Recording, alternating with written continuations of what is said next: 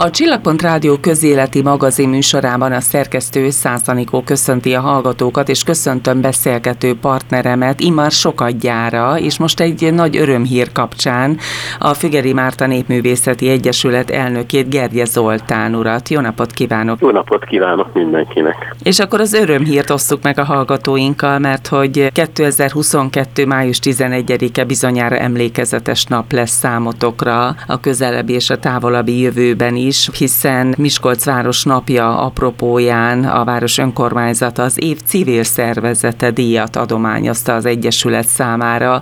Szívből gratulálunk, hogyan érintett benneteket az elismerés híre. Hát köszönjük szépen a gratulációt. Meglepett azért minket egy kicsit, de azért, ha nem is titokban, de azért mégiscsak gondoltunk, hogy valamire gondol a város, mert a jelekből ez következett, hogy valami díjat fogunk kapni, nem tudtuk mit. Ez meg egy nagyon, eh, nagyon eh, rangos és kivételes dolog, hisz a városba közel, vagy talán több is, mint 200 civil szervezet munkálkodik különböző területeken, és azért ez tényleg egy megtisztelő gondolat a díjazás, hogy minket választottak a, a városvezetői, illetve a a képviselő urak és hölgyek. Mert hogy azért sokat beszélgetünk arról, hogy azért számos olyan felkérésnek tesztek eleget, amelyben tulajdonképpen a város önkormányzata bíz meg benneteket.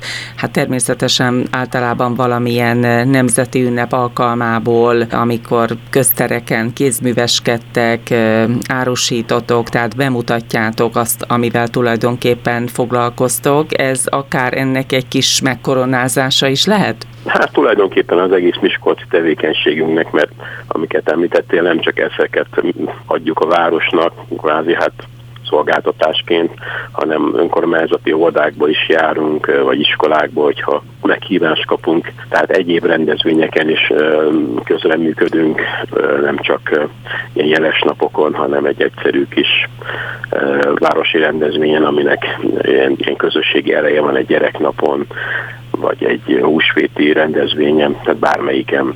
Van, amikor a szolgáltatásért pénzt is kapunk, ez a szerencsésebb helyzet, de van, amikor pedig kötelességből megyünk természetesen, hisz ez a feladatunk, mi közművelődéssel foglalkozunk, közművelődés a fő profilunk, és hát bizony ezt általában ellenszolgáltatás nélkül szokták végezni, legalábbis a, a civilek nagy része, mi is csak a úgymond bekerülési pénzt szoktuk általában elkérni, hogyha valahol messzebb megyünk, ugye egy, egy, egy szállítási költséget, vagy anyagköltséget, de azért a munkánkat azt mindig e, ingyen adjuk hozzá, lehetőség szerint természetesen. Ez a munkátoknak az a része, amikor valahova elmentek, és benneteket látnak úgymond vendégül, és ti pedig a szaktudásotokat adjátok, de hát van a munkátoknak egy másik nagyon jelentős része, amikor a székhelyeteken, Diósgyőrben, a Népi Kézműves Alkotóházban várjátok a látogatókat számos ünnepi program, kiállítás keretében folyamatosan szinte az év minden hónapjában csinálunk egy-egy rendezvényt.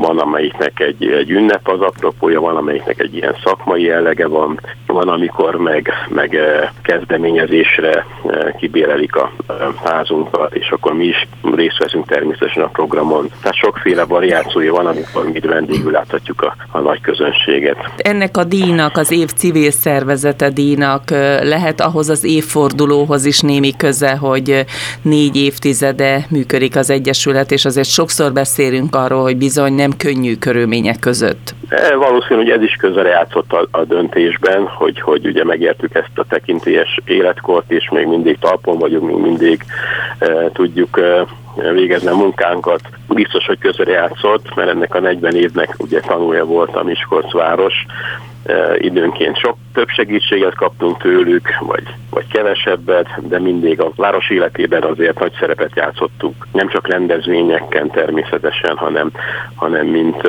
kultúra közvetítő, vagy, vagy hagyományőrző szervezet. Tehát mindig meg, megtettük a magunkét mindegyik területen. Számítotok arra, hogy most ennek a díjnak a birtokában egy kicsit még jobban rátok az Egyesületre irányul a figyelem? Hát mi nem is tudunk, mire számítunk. Egy biztos, hogy a díj az, az a közösségünket erősíti, az összetartásunkat, hogy, hogy, hogy érdemes ezt csinálni, hol így, hol olyan formában, de érdemes ezzel foglalkozni. És inkább a nagy közösség figyelmét számítunk mi, hogy hát ha többen még többen jönnek hozzánk, hisz előttünk áll az év folyamán rengeteg olyan program, ami nagy közönségnek is, szakmai közönségnek is, gyerekeknek, felnőtteknek egyaránt látogatható.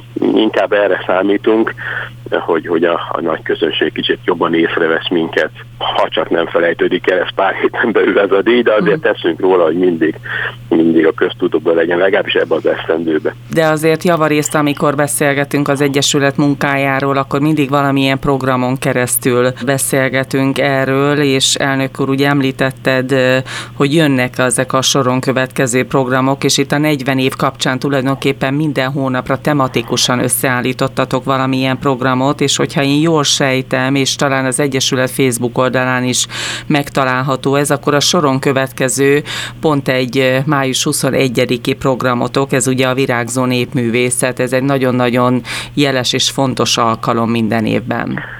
Igen, ez egy rangos rendezvényünk, mert már országszerte ismerik, hiszen ez országosan meghirdetett tárgyalkotó pályázat, amire az ország minden pontjáról küldik az alkotásokat tehát ez lesz 21-én ennek a kiállítás megnyitója és a díjátadója délőtti nap. Délután pedig szakmai napnak neveztük ugyan el, de a nagy közönség is igazán látogathatja, mert egy nagyon érdekes mesterség-bemutatók meg előadások lesznek. Például, hogy hogyan születik egy karaktercipő, ami tulajdonképpen a táncos lábú lányok és fiúknak a cipellője, mondjuk így. Tehát ilyen izgalmas kis dolgokkal várjuk a szakmát is természetesen, de nagy közönséget is, hisz egy nagyon izgalmas program állítottunk össze. Amikor ez a beszélgetés adásba kerül, akkor már az avasi borangolás programján túl leszünk, de tulajdonképpen nem is baj, hogy szóba került és beszélgetünk erről, mert az Egyesület berkein belül talán több fafaragó is dolgozik, de most kettőt nevesítsünk, akik pontosan egy avasi tájékoztató táblát készítettek, és ha jól tudom, akkor ez mostanság kerül majd kihelyezésre? Igen, folyamatosan dolgoznak a fafaragói mestereink, Mazur József és Farkas Béla. Folyamatosan készítek ezeket a táblákat, és valóban az avas egyes pontjaira lesz kihelyezve, bizonyos utcák elejére, vagy, vagy csomópontokba, a Móra Ferenc sétányon, amin ugye a Móra Ferenc faragott képmása is megjelenik például és folyamatosan készítik a fafaragóink ezeket a tájékoztató táblákat, és a kihelyezése is folyamatosan történik, de ez egy ez a kihelyezés dolog, ez már egy másik egyesület feladata. Mi a kézműves részét vállaltuk, és készítjük is folyamatosan. Egy kicsit visszautalunk a közelmúltra, akkor ugye elnök úr azt mondtad, hogy javarészt városi önkormányzat felkérésére vagytok jelen sok-sok Miskolci helyi rendezvényen. Nem olyan régen volt egy hasonló, ez a Megyei Értékek Kézműves Fesztivál 2022, itt is jelen voltatok. Ez mind-mind hozzájárul ahhoz, hogy az emberek lássák, érezzék, hogy ott vagytok a köztudatban, lehet benneteket keresni, és talán egy kicsit a kézműves szakma tisztelete, becsülete is előtérbe kerülhet? Így van, pontosan ezek motiválnak minket, hogy tehát mindenhol szeretnénk megjelenni, ahol lehetőség van rám, meg hát ahol hívnak, de olyan helyre is megyünk, ahol nem hívnak, bekopogunk, hogyha úgy van. De valóban nekünk a mi létünk, a mi létezésünk attól függ, hogy minél többen ismernek minket, minél többen látogassanak ide, mert muszáj, hogy ezekből a fiatalabb generációból kerüljön ki az utánpótlásunk. Erről már sokszor beszéltünk, hogy ez nagy problémát okoz nekünk, nagy fejtörés, sőt ez a legnagyobb feladat a számunkra, hogy utánpótást szerezünk akár a fafaragók körébe, akár a hímzők körébe, de minden mesterséget mondhatnék, még nagyon előregettünk, mondom így, és nekünk az a célunk, hogy, hogy lássanak minket, kapjanak kedvet a fiatalok ehhez a dologhoz. Egy jó példát tudok mondani, május 1 rendezvényünk egy 16-17-es fiúcska jelent meg, és akkor ő, ő szeretne fát faragni. Hát éppen itt volt a mester úr, összehoztuk, és elindult egy kapcsolat. Reméljük, hogy komolyan gondolja ez a fiatalember, meg is hívtuk a nyári táborunkba, a felnőtt táborunkba, hogy vegyen benne részt, és akkor egy kis alapokat tud szerezni. Ilyen is van, hogy, hogy önként jelentkezik valaki, de de inkább mi a szakköreink által, a, a mi foglalkozásaink által toborozzuk az embereket. Most is jelenleg is van négy-öt szakkörünk, fazekas szakkör, kosárfonó, himző, gyöngyfűző, megszövő, és nagyon bízunk benne, hogy a év végére kikerül néhány tehetséges fiatalabb vagy középgenerációs emberke. Én tudom, hogy a nyári táborokat nem feltétlenül az utánpótlás keresése miatt szervezik, hiszen ez a nyári szünidős gyerekeknek egy nagyon hasznos és fontos tartalmas elfoglaltság, és ugye indulnak lassan ezek a nyári táborok, a gondos szülő már keresi a lehetőségeket, közreadtátok ezeket az időpontokat, lehetőségeket, tehát most már ugye a pandémia is engedi, hogy legyenek nyári táborok, Hol lehet jelentkezni, lehet-e már, mik a részletek? Lehet, igen, meg közzétettük a közösség oldalunkon a felhívásunkat. Három turnust fogunk indítani 7 és 16 éves korosztályok számára így hirdettük meg. Természetesen a nyár és a, tehát a szituáció természetesen az diktálja valóban szórakoztató, élményszerű legyen ez a gyerektábor, hogy jól érezzék itt magukat a gyerekek, de azért mégis tanuljanak egy kis valami vagy dolgot, amire emlékeznek majd szeptemberben, vagy majd később az életük folyamán, és igyekszünk azért a mi kis szakmánkat ugye bele csempészni egy-egy foglalkozásba, hisz nagy részt a foglalkozások azért a mesterségeinken alapulnak, és kicsit szórakoztató, kicsit lazább lesz a dolog természetesen, de nem csak a mesterségről, mert a kézműveségről szól egy-egy nap majd nálunk, hanem lesz népzenei bemutató, népi hangszereket is lehet majd megismerni. Például, vagy a népi öltözékekkel is tervezünk egy előadást, hogy, hogy milyen tájegységben, milyen öltözékeket hordtak régen, vagy talán még ma is az emberek. Tehát sokrétű programot állítottunk össze, bízunk benne, hogy lesz hozzá gyerek is, turnus is. Még egy újdonság, vagy számomra újdonság, amit a közösségi oldalukon olvastam, hogy a középiskolás gyerekek számára meghirdették az iskolai közösségi szolgálatot. Ugye ez a teljesítendő bizonyos 50 óra különböző lehetőségeket, vagy részvételi lehetőségeket kínálva. Én azt gondolom, hogy jön a nyár, gyerekeknek felszabadul az ideje, több szabadidővel rendelkeznek, ez is egy nagyon-nagyon jó lehetőség, és hogyha már ott van egy fiatal, akkor már lehet, hogy őt is egy kicsit meg lehet fogni a téma irányába.